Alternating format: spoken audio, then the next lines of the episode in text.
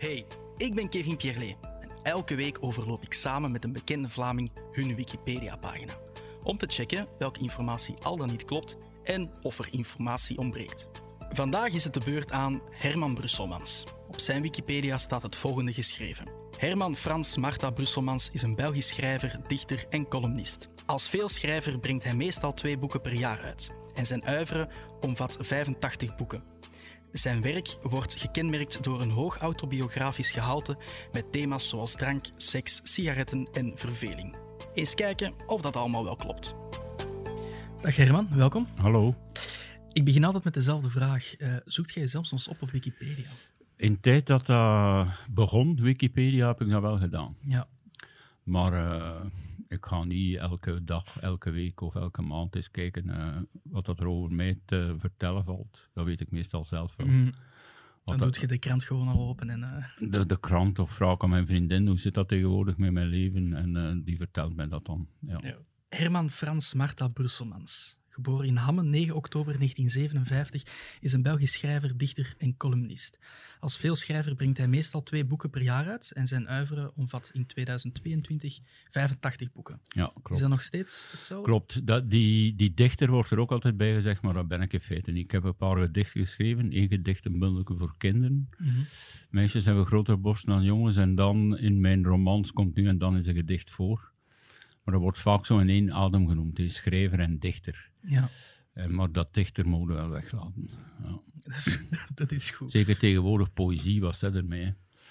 Dat kost uh, 25 euro voor een bundel van 34 bladzijden. Vandaag kun je ook door AI uh, een, een, gedicht laten schrijven. Ja, je kunt door AI alles laten schrijven. Ja. Hè. Uh, Heb je daar schrik voor? Uh, ik heb een aantal stukken gelezen dat door die, hoe heet het, GPT?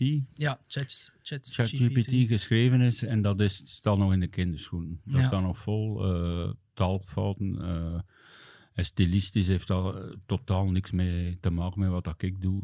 Maar ik veronderstel dat dat ook gaat groeien. Hè, dat er op een bepaald moment zo'n GPT gaat komen die echt beter schrijft dan mm. de meeste schrijvers. Enfin, ieder naap met een hoed opschrijft beter dan de meeste schrijvers. En die GPT gaat dat wel, uh, gaat dat wel kunnen, hè. maar uh, tegen dan hoop ik uh, dood te zijn, eerlijk gezegd. Oké, okay, Brusselmans werd geboren in Hamme, Oost-Vlaanderen.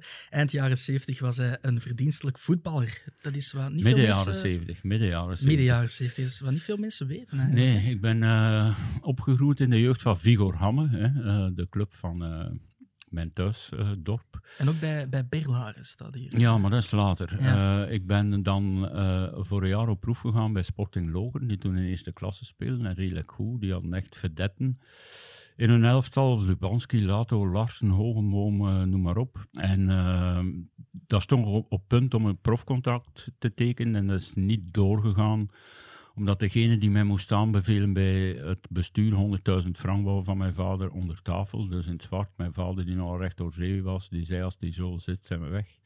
Plus ik wou gaan studeren. En uh, heel dat voetbalmilieu, ik was nog maar 17, 18 en heel dat voetbalmilieu stond mij al tegen. Mm. Als ik op de bus uh, op verplaatsing Engelse poëzie zat te lezen, wa waren direct een Jeannette, weet je wel, want die zit ja. poëzie te lezen. Mm. Uh, dus ben ik uh, terug even naar Hamme gegaan en daar was ik dan de loser uit Lokeren, degene die het niet gemaakt had. En dan ben ik later afgesukkeld, uh, doorgesukkeld tot in Berlaren, derde provinciale. En tenslotte in de kelder, de diepste kelder van het voetbal, het Katholiek Sportverbond. Katholiek inderdaad. Ja, waar dat... Uh, de, de spelers die op de bank zaten uh, en trainer zei tegen hen, ja, val maar in, dat die speler zei, maar eerst mijn sigaretje oproken. Dan niveau, weet je wel, een bak bier in de rust. En, uh, toen, ik heb op een nog een hoger niveau gespeeld. Plus, het, het gevaarlijkste van al was dat je er, uh, je leven uh, liep daar gevaar, doordat ze die shot naar alles wat dat beweegt. en dat is een half ziekenhuis, is het gevolg van het Katholiek Sportverbond. En dan heb ik gezegd, ik stop ermee. Ik was jong, ik was nog maar 27. En dat is vroeg inderdaad. Ja, dat is vroeg om te stoppen, ja.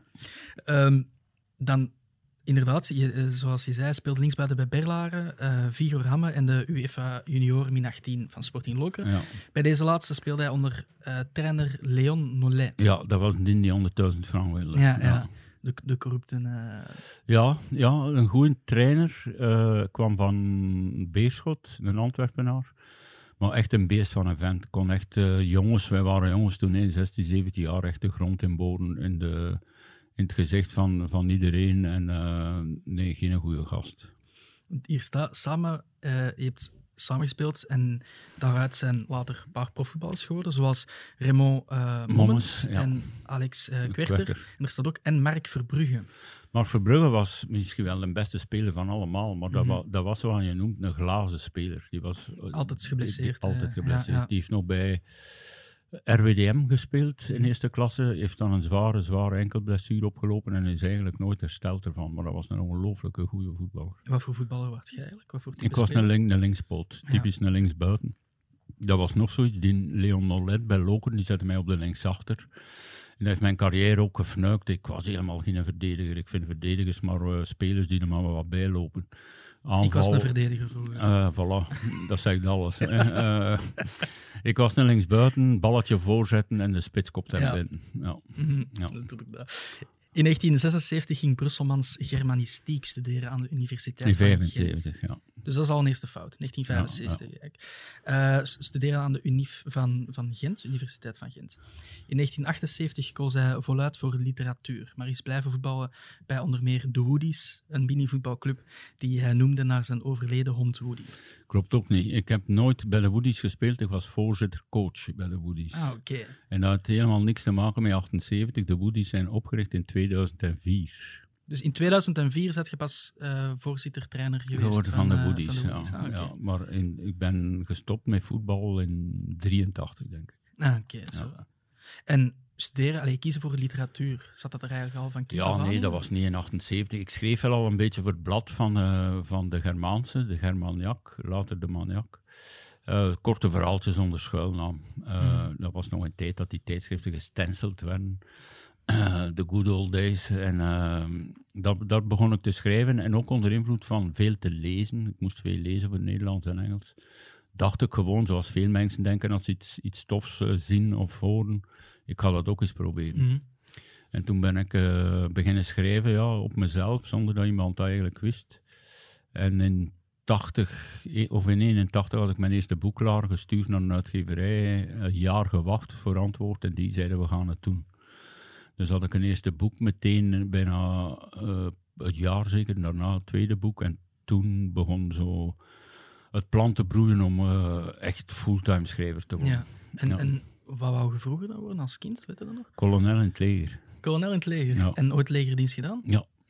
En... Ik was bijna afgekeurd omdat ze geen vierkante mutsen hadden, maar uh, ik ben dan toch aanvaard uh, omdat ik een enorm dactylo-talent had. En welk? Dactylo, typen. typen. Ah, oké. Ik was, ik was typist in het leger. Ah, oké. Okay, En je moest daar een maand, had dus een maand uh, opleiding hier in Peuty trouwens, hier niet ver van. Een maand hey, schieten en kruipen en doen, en dan een maand opleiding als dactylo. En als je drie uh, woorden per, per uur kon typen, dan waren er al door. Dus terwijl ik al heel lang met, tien, met tien vingers kon typen. Dus ik ben dan uitgeroepen tot de beste dactylo van uh, het Belgisch leger. Maar je staat in een geschiedenisboek van het Belgisch zelfs. Ja. In 1980 studeerde hij af en ging aan de slag in een Brusselse bibliotheek van de Rijksdienst voor Arbeidsvoorziening. Ja. Ja. Dat was in een... Uh, nepstatuut. Er waren er in die tijd, DAC was een nepstatuut, ik weet niet meer voor waar dat, dat staat. En ik was TWW, te werkgestelde werklozen. De naam zegt het al. Dus je, kreeg, je kreeg een dop, maar we moesten wel fulltime gaan werken. ik, kreeg toen, ik verdiende toen 19.000 frank in de maand. Hoeveel is dat in euro? Uh, 450 euro ah. ongeveer. Ja, 475 euro. Ik was ondertussen ook getrouwd. Mijn vrouw verdiende niets meer. Die was ook hermanist. En zo konden we toch nog bol werken. Nu is dat on, onbegrijpelijk dat je in, mhm. die tijd met zoveel geld dat je kon rondkomen. Dat je een auto had, dat je een huis had, dat je kleren had. Ja, dat kun je vandaag niet meer. Nee, met 405, ja. 435 euro, dat betaalt met sigaretten van mhm. tegenwoordig. en uh, voilà, ik ben afgestudeerd in 80. Ik heb er vijf jaar over gedaan. De eerste kan gebist. En... Uh, en dan ben ik uh, negen maanden werkloos geweest en dan gaan werken om de RVA. Ja. Ah, oké. In de bibliotheek. Ja, in de bibliotheek. Zoals je dan daarnet al zei, datzelfde jaar trouwde Brusselmans voor de eerste keer en vestigde zich in Iedergem. Iedergem, ja. In de, de woonplaats van mijn vrouw dan, hè. Ja. In 1986 verhuisde hij naar Gent. Zijn huwelijk strandde in 1991. Ja. In 2005 hertrouwde hij. En deze relatie werd verbroken in 2010. Ja, maar Tanja, met wie ik in 2005 getrouwd uh, ben, ken ik al van eind 1991. Komt je daar niet vandaag nog heel goed mee overeen? Of? Ja, ik kom er nog uh, mee overeen. Maar die is, die is weggegaan in 2010. Ja. Zonder reden eigenlijk. Zonder reden die ik zag aankomen. Maar ze, ze wou meer vrijheid, ze wou meer uh, op zichzelf zijn. Ja. En dan is ze weggegaan. In maart 2016 ontmoette hij de bijna 34 jaar jongere Amsterdamse Lena, zijn derde levenspartner, met wie hij is sinds september 2018 samenwoont in zijn loft in Gent, maar ondertussen niet meer. Ja, en plus tussen Tanja en Lena had ik nog een relatie van een jaar, ook met een jongere vrouw van 24, met Melissa. Ah, Maar daar heb ik niet mee samengewoond. En met Lena heb ik ontmoet in 2016. Die woonde, is een Amsterdamse die in Brussel woonde en werkte in Brussel. Maar wat een soep. En Waterloo, ja. En, en die is eh, bij mij komen wonen in 2000, eh, wat zijn we nu, 23? Ja. In 2019 zijn we gaan samenwonen in de Loft in Gent en we zijn nog samen, we hebben nu een kindje en we zijn verhuisd. Inderdaad, waarvoor proficiat. Dankjewel. Hoe is het met de kleine roman? Heel goed, ja. Goed. Is echt fantastisch. Ja. En bevalt het u? Het, is, het, is het wat dat je verwacht had? Eh, je weet wat dat is, hè. Je, Ja. je- je moet het zelf ondervinden. Je bent een leek, hè. behalve dat je van mensen hoort, zo en zo. Met kleine kinderen, maar zolang als dat je ze niet hebt, stel je niet bij stil.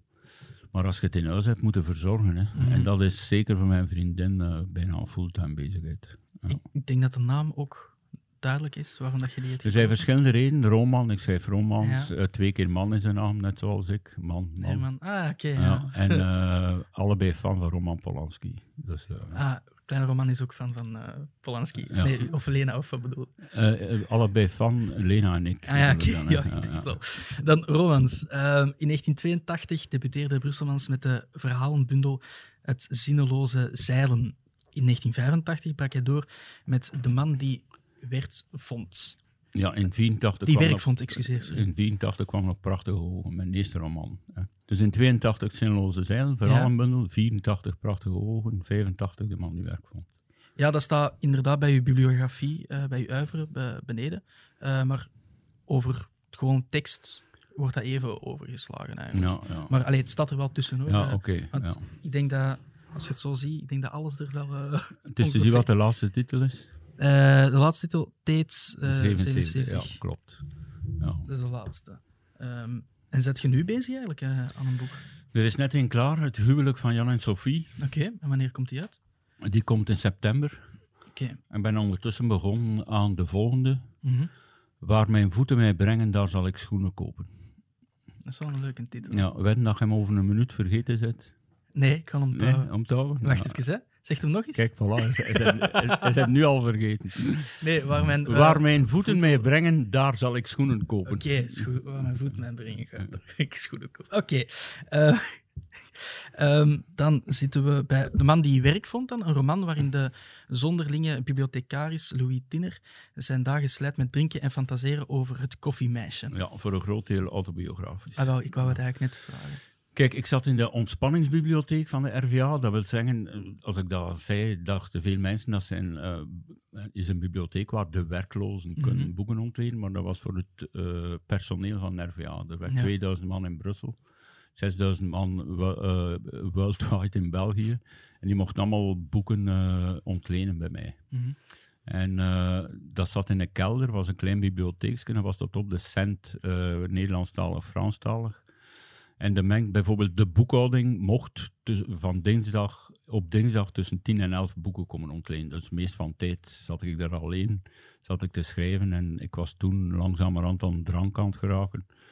En zat ik daar te paffen en, eh, en te drinken. En begon ik ook zo, dat was het begin ook van mijn angstaanvallenperiode. En dan ging ik soms, eh, dan ging ik soms een briefje aan de deur, ben over tien minuten terug en dan lag ik een hele dag plat op mijn rug achter de rekken eh, bij te komen van de angstaanval. Dat is een moeilijke periode. Ja. Ja. we hebben het voor de opname uh, al even besproken. Je zei ook gestopt met drinken. Dat is al een, ja, tijdje. Maar een tijd, een tijd daarna, in 93. Ja, maar was het echt zo uh, erg aan het gaan? Het was erg. Ik dronk, dronk te veel. Plus, ik, ik heb niet echt de constitutie om te drinken. Ja. Ik heb geen goede lever. Alleen, geen, wel een goede, maar geen sterke lever. Uh, ingewanden, nieren enzovoort. Ik, ben, ik heb geen fysiek talent om te drinken. Mhm. ik, had, ik begon ook steeds ergere katers te krijgen. Ik, ik was gewoon ziek en ik was het beu om, om elke dag afhankelijk te zijn van drank. Ja. Want ik had op een bepaald moment een regel, ik drink niet voor al vijf middags. Maar ik stond maar op om vier uur. Dus uh, ja, okay. ja, dan, dan drink je eigenlijk uh, praktisch van negen uur. De klok rond, ja.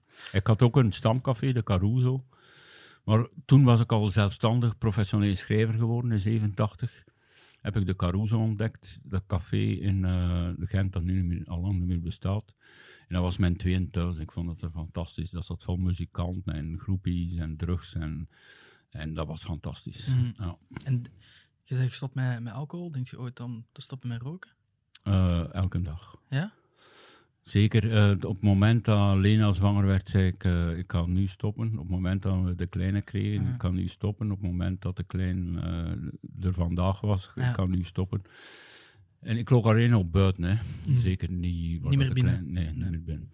Maar ik raak er moeilijk vanaf. Ja, het is echt een, een zware verslaving. En vapen of zo? Of is dat ook, te kort? Ook. Ja, ook. Ik heb ooit sigaren gekocht in plaats van sigaretten dacht ik, ik heb ooit een pijp gekocht. Ik heb nog rondgelopen met een pijp, echt waar. Toen dacht ik, dit is zo belachelijk. Vooral omdat ik, ik dat beeld wel vooral omdat ik vijf pijpen plus 30 sigaretten per dag rook. Ah, het is niet in plaats van, het is het samen, De bedoeling was in plaats van, maar dat, dat lukt dus niet. Tussen twee pijpen rookte ik dan vijf sigaretten.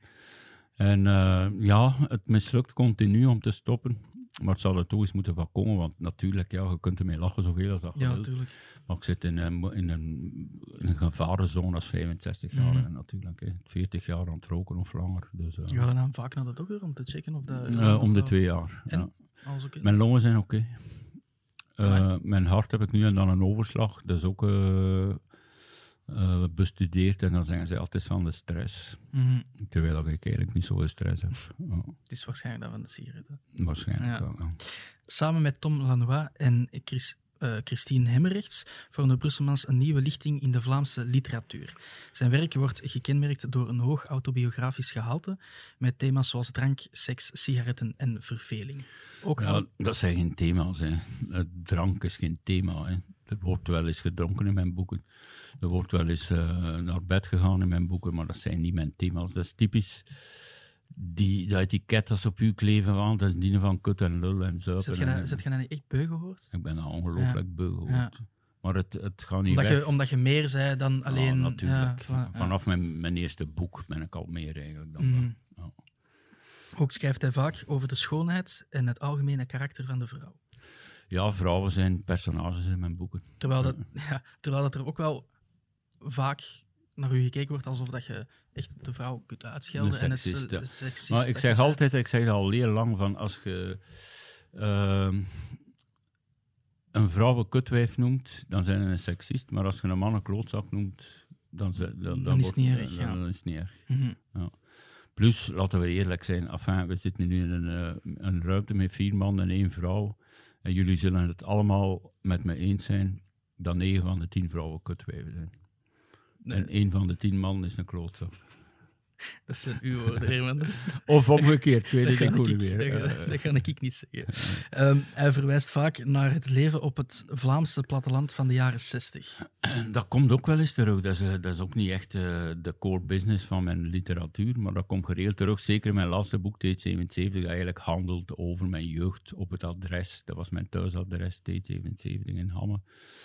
Uh, maar het komt terug. Ik ben een jongen van het platteland en je kunt de jongen wel uit het platteland halen, maar het platteland niet uit de, de jongen. jongen. Ja, ja. Bla bla bla. um, en dat is zo, ja, ik ben een Hammenaar. Uh, sommige mensen zeggen uh, de Gentenaar, de huppelepup, maar ik ben een Hammenaar, mm. geen Gentenaar of, of, of niks anders. Ja. En, maar nu zit je uit de stad Gent uh, verhuisd, hè? Of? Nee, nee, binnen Gent. Ah, gewoon ja, zelfs, zelfs niet zo heel ver van mm. het centrum waar ik eerder woonde. Maar uh, we hebben een groot huis gekocht omdat we geen plaats hadden in de loft voor, uh, voor een kinderkamer. Voor een kind natuurlijk, ja. Um, zo verweeft hij in het einde van de mens in 1967. Ehm allee, in 1967, dat hoort nog bij de titel. Het, einde van mensen in 67. Ja, voilà, Voor, voor de luisteraars. Het boek is uitgekomen in 1999. Het zijn vier korte verhalen. In 2007, 2008 schreef hij een uh, trilogie, Muggenpuut, uh, De Perfecte Kopijn en Toos. Ja. Dat is allemaal... Uh, ja, dat zijn allemaal verschillende boeken. Ja, ja. die trilogie, Ja, dat zijn tuurlijk, boeken met hetzelfde hoofdpersonage. Muggen, dan, dan, Danny ja. Eh, over de bizarre schrijver, inderdaad, Danny Muggenpuut, befaamde, eh befaamde worst, worsteter. Worsteter. Amai. Amai, dat gaan we er echt uitknippen, worsteter. Worcestershire saus. Ja, ik dacht letterlijk dat dat... Worsteter. Worsteter. Oh mijn god. Oh. Nee, is geen probleem. Ja, je kunt het zo uitspreken, hè, maar het, is worsteter. Hij eet continu worst. Ja. Worsteter, bierdrinker en monsterkletser over de Tweede Wereldoorlog, bizarre seks. Het N-woord staat er dan en andere minderheidsgroepen. Ja. Ehm, pas je daar meer mee op vandaag de dag? Dat je bijvoorbeeld het N-woord niet meer eh, ja, ik heb nog een, eh, schrijft nog een boek met het N-woord in de titel. Hè. Mhm. Guggenheimer koopt een N-woord. Mhm. Ik heb er ook een zware aan- aanvaring eh, gehad, eh, een paar maanden geleden in Rotterdam tijdens een literaire avond. Waarbij ik het N-woord gebruikte, maar in, in, een, in een context die ik eigenlijk zou moeten schetsen voordat het duidelijk wordt. En de schrijfster na mij, de befaamde feministe Brechtje Hofstede, wou niet optreden aan een racist. Wat ik totaal belachelijk vond. En in de zaal waren er dan uiteraard, zoals altijd, twee partijen voor en tegen enzovoort. En ik pas op nu, als het N-woord niet meer gebruikt mag worden, dan gebruiken we het ook niet. Nee, het is, het is niet dat dat zo... Het is nu ondertussen zo ver geëvolueerd dat het gebruik van het N-woord echt een soort van halsmisdaad is. Hè. Mhm. Dus wij, wij zeggen ook nu het N-woord. Ja, maar het, het ding is van... Ik ben opgegroeid en ik, ik heb nooit het N-woord eh, eigenlijk gebruikt. Ik zal het Ja. zo zeggen. Dus ik heb daar totaal geen probleem mee. Maar ja, een oudere generatie die dat Ja, dan die wel... gebruikt... Nou, ja, ja, Dat, is, dat is ook nog ja, ja, dat, dat was... kwestie van gewoonte, terwijl dat ze dat niet natuurlijk Chef. Gerard, ik ben doen. maar een N-word. Mhm, Dat, was, dat viel niemand over. mhm. Iedereen zei van, ah, die nieuwe speler van Hamme is een N-word. Ja, ja. Maar goed, eh, ik ga nu ook niet doen alsof dat ik eh, tegen de schenen wil schoppen van om het even wie en ik gebruik het woord niet meer. Ik spreek met zwarte mensen en die zeggen allemaal, door dat woord worden we echt gekwetst. ja toe, allee, en, en bij mij, ik ben ook zo opgegroeid van, van als iets u kwetst, ja, dan zeg je dat niet. Punt. Je gaat er... Dat is zo de discussie waar, waar, ja, maar ik ben, mij- een, ik ben een kwetser. Hè. Ja, ja, dat is waar. Ik ben dus niet alleen een worsteter, maar ik ben ook een kwetseer. Hè. Ik ben een kwetseer. Ja, nu gaan we het er echt niet meer kunnen uitknippen. Hè? Nee, Merci, je moet erin laten. Ik had, ik had het nog verschillende keren vernoemen, u. zodanig dat je ongeveer alles moet knippen. Maar Ja. respect als je dat in een van je boeken krijgt, voorzitter. columns en tv, dat is een nieuw item. En naast romans schrijft Brusselmans ook columns en stukken voor televisie. Als columnist debuteerde hij in het satirische weekblad De Zwijger van 1982 tot 1984. Begin jaren 90 kreeg hij een wekelijkse column in het weekblad Humo, die hij midden jaren 90 heeft voorgedragen aan de VPRO-radio, onder de titel Val dood. Ik schreef columns voor de VPRO, dat werd opgenomen in een studiootje in Gent. Die werden dan doorgesend. eh, en daar is dan een cd van gemaakt eh, in der tijd. eh, Val dood heette die. Maar goed, dat is allemaal... Ik schreef columns voor Humo vanaf 96 tot nu. Dat zijn er meer dan 1500. Ik heb ook de, meer dan tien jaar voor het laatste nieuws een sportcolumn gehad. het laatste nieuws en, en Gaia ook. Eh, ik ga ja, maar eh, ik heb in de Standaard een column gehad, ik heb in de Morgen een column gehad. Ik heb overal columns gehad. Mhm. Ik heb Ja. meer dan tot nu toe ja, rond de 3.000, 4.000 columns. Ja. Brusselmans dankt zijn bekendheid ook aan de televisie. In 1991 had hij een eigen rubriek in het Huis van Wantrouwen, waar hij bekend werd met uitspraken eh, doch dit alles terzijde en bedankt voor uw waandacht. Ja. Ja, kijk, eh, het Huis van Wantrouwen was eh, Heb ik totaal niet... een, een beetje een experimenteel programma, Ja. gepresenteerd door Mark Uiterhoeven. En de al even befaamde geworden Wouter van den Houten. mhm. En ik had een rubriek, een column eigenlijk, een tv-column, Klare Taal, waarin ik lachte met uitspraken van mensen op tv. Verkeerd, eh, was dat het? Ja. ja, verkeerde uitspraken, eh, rare uitspraken enzovoort. Dat was in een column van vier minuten, dus ik liet even die uitspraak zien. En dan gaf ik er commentaar bij. En in het begin was dat op het einde, ik dank u voor uw aandacht. En gaandeweg werd die awa gerokken totdat het was, ik dank u voor uw aandacht. En dat is dan viraal gegaan, zou ik kunnen zeggen. Zo, eh, voor zover dat mogelijk was in die tijd. En ik werd continu op straat nageroepen. Dank u voor uw aandacht. En uh, ja, het was een programma waar 2 miljoen mensen naar keken. Dat is wel enorm veel, hè? Iedereen keek ernaar. En dan was... Uh, ja, dan werd je bekend. Hè. Mm -hmm. ja. Want in 2000 kreeg jij een typetje van imitator Chris van den Durpo. En er staat, en sindsdien is hij vaak te zien in talkshows. Ik heb altijd talkshows gedaan, maar vaak in, die tijd, in de tijd dat ze nog bestonden, literaire talkshows, ja. waarin over boeken gepraat werd, bestaat al lang niet meer. Behalve in Holland, ik ben er vorige week nog geweest, in Nederland is er nog geen literaire talkshow nu. En, uh, en later werd dat, werd dat, door die bekendheid met de Huis van Wantrouwen, werd ik ook gevraagd in algemene literaire talkshow. Uh, in algemene talkshow. Dat heeft uh, Wim Helsen met Winteruur is ook zoiets. Allee, Heb ik twee keer geweest, ja. ja, ja. En hoe was dat eigenlijk, die ervaring? Ja, Wim Helsen is een fantastische ja. gast, hè, dus uh, dat klikt. En dat zijn allemaal leuke dingen, maar je moet wel je best doen. Hè. Ik bedoel, schrijven is een vak, maar tv maken of zijn op tv is ook een vak. Mm -hmm. Je moet er niet bij zitten als een zak patatten die niks te vertellen heeft. Nee. Je moet een beetje alert zijn, je moet in, in uh, haken op wat er gezegd wordt. Nu en dan is een zijweg. Uh, en voilà, je moet je best doen. Hè. Tussen 2005 en 2009 was hij een van de vaste gasten van Studio 1 op zondag met Frank Haas, met scherpe humoristische analyses van voetballers. Ja. Over, de trap, over hun traptechniek in kapsels. In 2012 presenteerde hij samen met Luc Allo het programma De Kleedkamer. Dat werd uitgezonden op Sporting Telenet. Daar ja. is het eigenlijk begonnen, hè, als soort van voetbalanalist. Ik ben voetbalanalist mm -hmm. geweest in verschillende programma's. Kijk, ik, ik was okay, degene die de boel wou op stel te zetten, maar anderzijds kun je dat niet doen in een voetbalshow als je, niet, als je geen verstand hebt van voetbal. Nee, tuurlijk, ja. Ik heb zelf gevoetbald, ik heb altijd uh, het voetbal gevolgd tot en met nu. En ik kon wel meepraten over voetbal. Als het serieus was, kon ik gerust uh, bijdragen aan de ernst. Maar nu en dan zei ik eens iets wat dat de boel een beetje ontspannen ja, en zo. Ja. Weet je. Zoals eigenlijk een beetje Jan Mulder en Jan Boskamp deden. Uh, ja, voilà, ieder op hun eigen manier. Ja, voilà, dat zijn ook niet alleen voetbalanalist, maar ook een soort van showfiguur. Ja, maar ja. Het, het, publiek smult er ook al. Ja, denk ik, het publiek uh... heeft dat. Ik word er nog op aangesproken. Het is nu heel lang geleden dat ik in die, zeker in de Vlaamse voetbaltalkshows gezeten heb. Tijdens het WK? In, uh... in Qatar heb ik een aantal keer, ook een aantal keer in Nederland geweest. en uh, dat wordt wel geapprecieerd, die, die combinatie van voetbal, ernst en onnozelheid. Mm, ja. Voetbal Insight. En, uh, ja, voilà, ja. Sinds 2006 was hij een frequente gast uh, bij het in 2020 gestopte Nederlandse televisieprogramma De Wereld Draait Door. Ja, twaalf keer. Dat was echt uw ding wel, hè? Daar? Ja, het was live. Het was met een hele goede presentator, Matthijs van Nieuwkerk. Mm -hmm. hij had alle, ik kon alle gasten krijgen die hij wilde.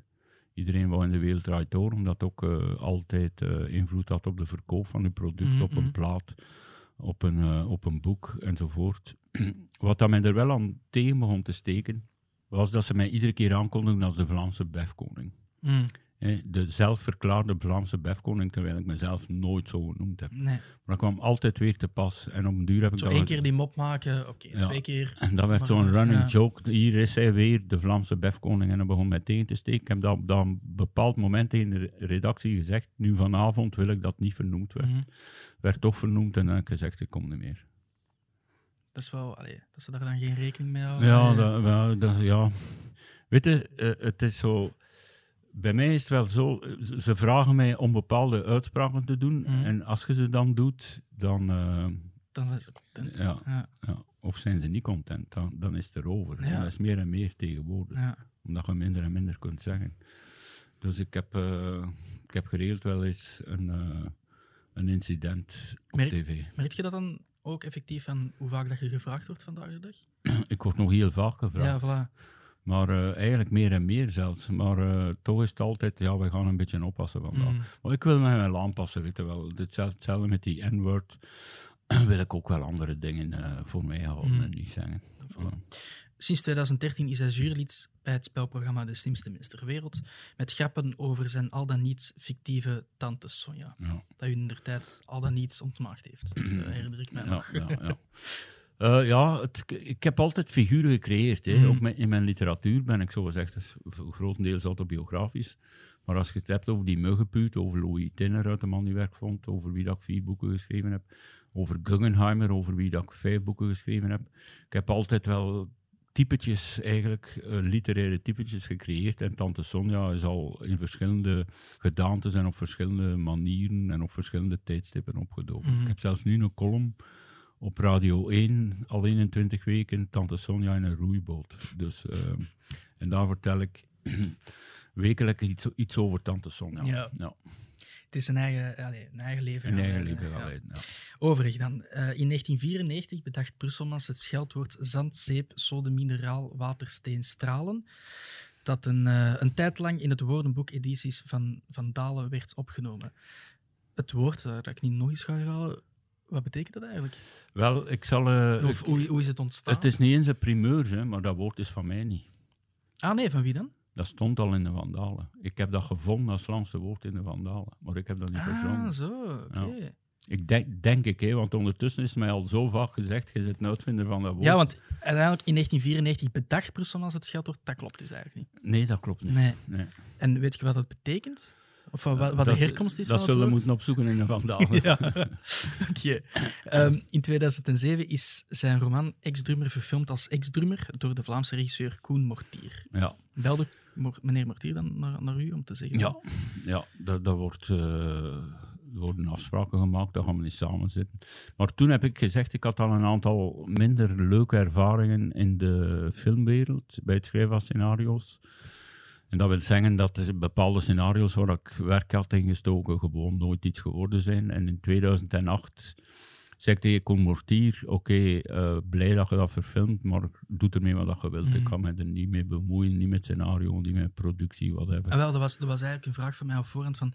ehm, zegt het u niks om scenario's te schrijven? Is voor ik heb, film? ik heb, Ja. ik heb een, een schuif vol met scenario's. Voor tv, voor film, voor toneel, noem maar op.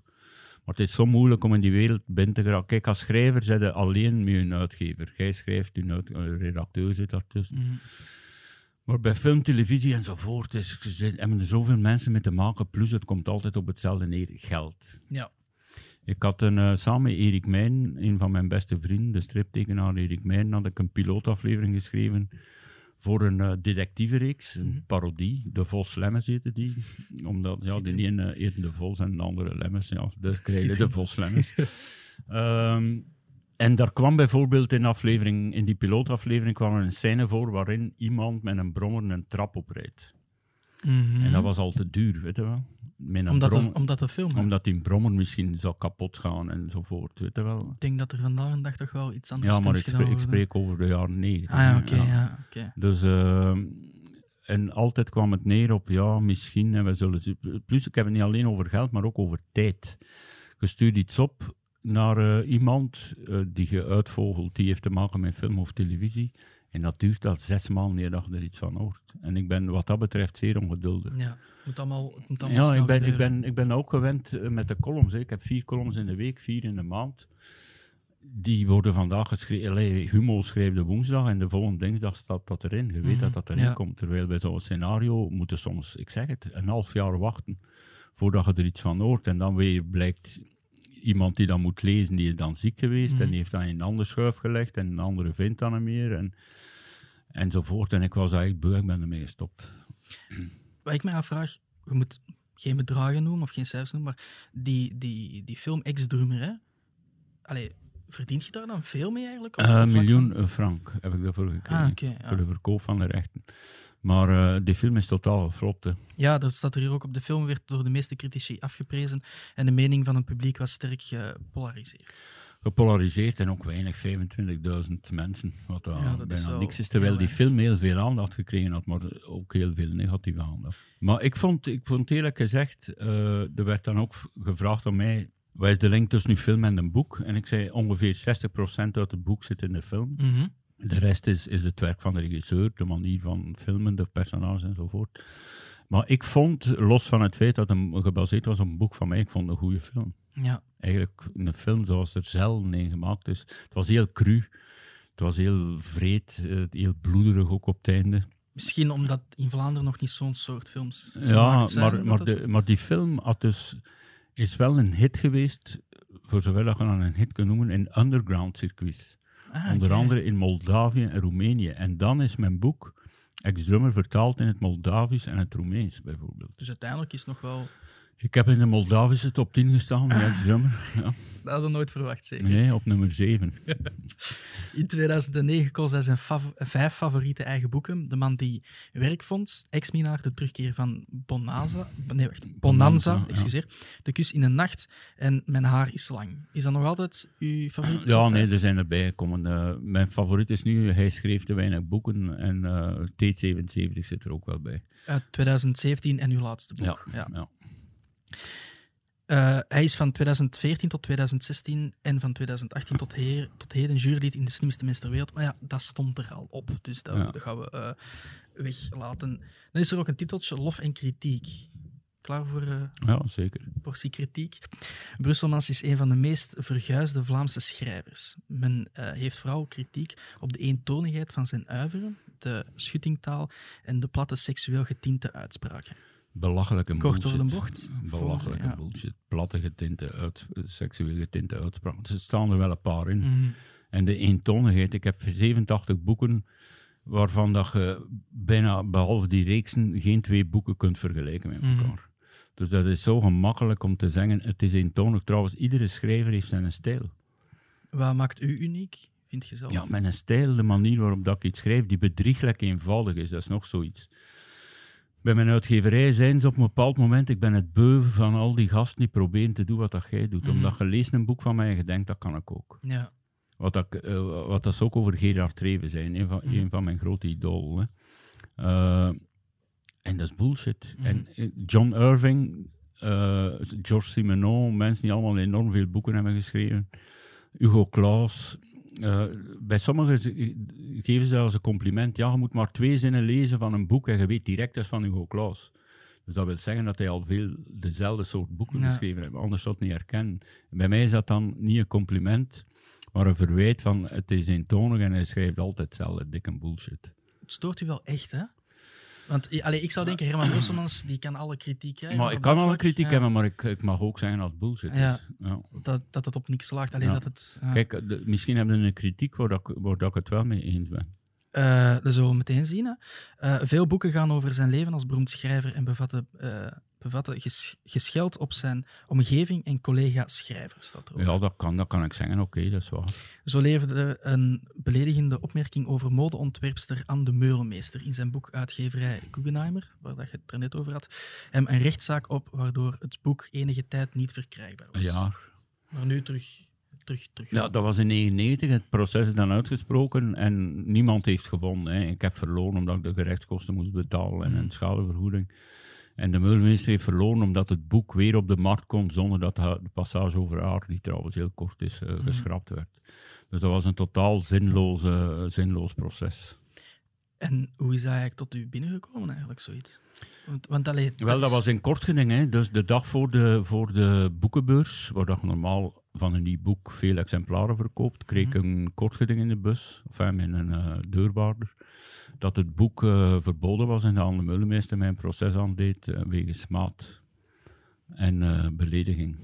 En het boek mocht dan niet verkocht worden op de boekenbeurs enzovoort enzovoort. En dat heeft een jaar aangesleept. Ja, zoals alles wat daar in proces gaat, lang, weer, weer tijd, en geld, hè. tijd en geld. Heb je sindsdien schrik dat er allee, nog zo'n processen nee, zouden komen? Ik ben wel wat... Ja. Iets voorzichtiger geweest, ja, wie dat je uithaalt misschien? Niet per se, want ik heb bijvoorbeeld uh, in de, ja, de, tot en met twee jaar geleden uh, jarenlange column gehad in de Nieuwe Revue, een, een uh, Nederlandse tijdschrift, weekblad, waarin dat ik in de reeks overschatte mensen iedere keer iemand in de grond boorde. Mm. En er zijn ook sprake geweest van zware beledigde mensen enzovoort, die met gedeeld gingen, dit gingen aandoen en dat gingen aandoen, die de vriendschap opzegden, bla bla bla. En dus dat ging soms ook heel ver. Maar dat was puur een stilistische oefening in beledigingen. Ja. Ik heb ook mezelf uh, in die reeks opgenomen. Ik heb God in die... In die ja. En Allah niet, want dat durf ik niet. Uh, wat een lafaard is dat, ja. Maar uh, levende mensen, dode mensen, ja. maar op. Ja. In 2017 leidde een denigrerende column over de Nederlandse zangeres Anouk tot polemiek. Ah, wel ja, dat was een column in de De nieuwe revue. Ja, In, uh, in een rechtstreekse confrontatie tijdens een aflevering van Van Giels en Gasten. Uh, rond zijn 60ste verjaardag applaudisseerde Brusselmans zedig bij een nummer van haar.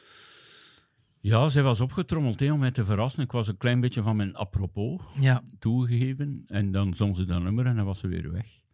Dus ze was eerst tegen die column. Echt, echt confrontatie was het dan niet? Ja, niet dat je nee, zij zong, zij zong een vriendelijke nummer voor mij. Maar waarom was ze vriendelijk ineens? Omdat ze 15.000 euro kreeg om daar naartoe te komen. Echt? Ja. Amai. Dat zou ook, ook wel redelijk vriendelijk zijn. Voilà, even van Den Haag of waar dat is naar uh, Brussel. Ja. En terug, dus uh, daar kunnen we het wel eens voor doen. Hè. Eh, daar zou ik ook al redelijk vriendelijk voor zijn, inderdaad. Zijn werk is vooral bij een jong publiek populair en hij groeide uit tot een van de best verkopende schrijvers van Vlaanderen. Hoe komt het dat dan net bij een jong publiek? Dat, was, dat, was, dat geldt ook niet meer. Mijn publiek is zeker ouder geworden. Is, veel mensen die mij lezen. Kijk, bij mij, je leest een boek en je denkt nooit meer of je denkt, ik wil alles lezen. Mhm. En als je meegaat met mij, wordt ook ouder met mij. En daarom heb ik nu een ouder publiek. Toen ik zelf 30, 35 was, had ik een, een redelijk jong publiek. Er zijn nog mensen, jonge mensen, die dan die boeken van mij vinden in de boekenkast van hun ouders, die dat eens proberen, die dat leuk vinden enzovoort.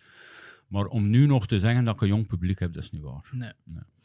Je bent ook heel veel uh, te gast geweest in tal van tv-programma's, als in Vrede op Aarde, De Ideale Wereld, Schern, Schepping, zijn er nog kroketten, De Slimste Mens ter Wereld. Wat zijn zo wat je tofste uh, programma's? Slimste mens. Ja, echt? En waarom? Wat maakt dan net zo Die hele uniek? productie is, is uh, je leert zo kennen. Hè. Ik, ik, doe dat al zoveel jaar je wordt daar echt in de watten gelegd. Je krijgt je eigen loge, je krijgt eten en drinken. iedereen is vriendelijk. Je, je moet maar kicken en, niet dat ik dat ooit doe, maar ze staan daar met wat dat je wilt. Uh, het programma zelf is leuk, het publiek wordt goed opgewarmd, is enthousiast. Erik van Looy is fantastisch.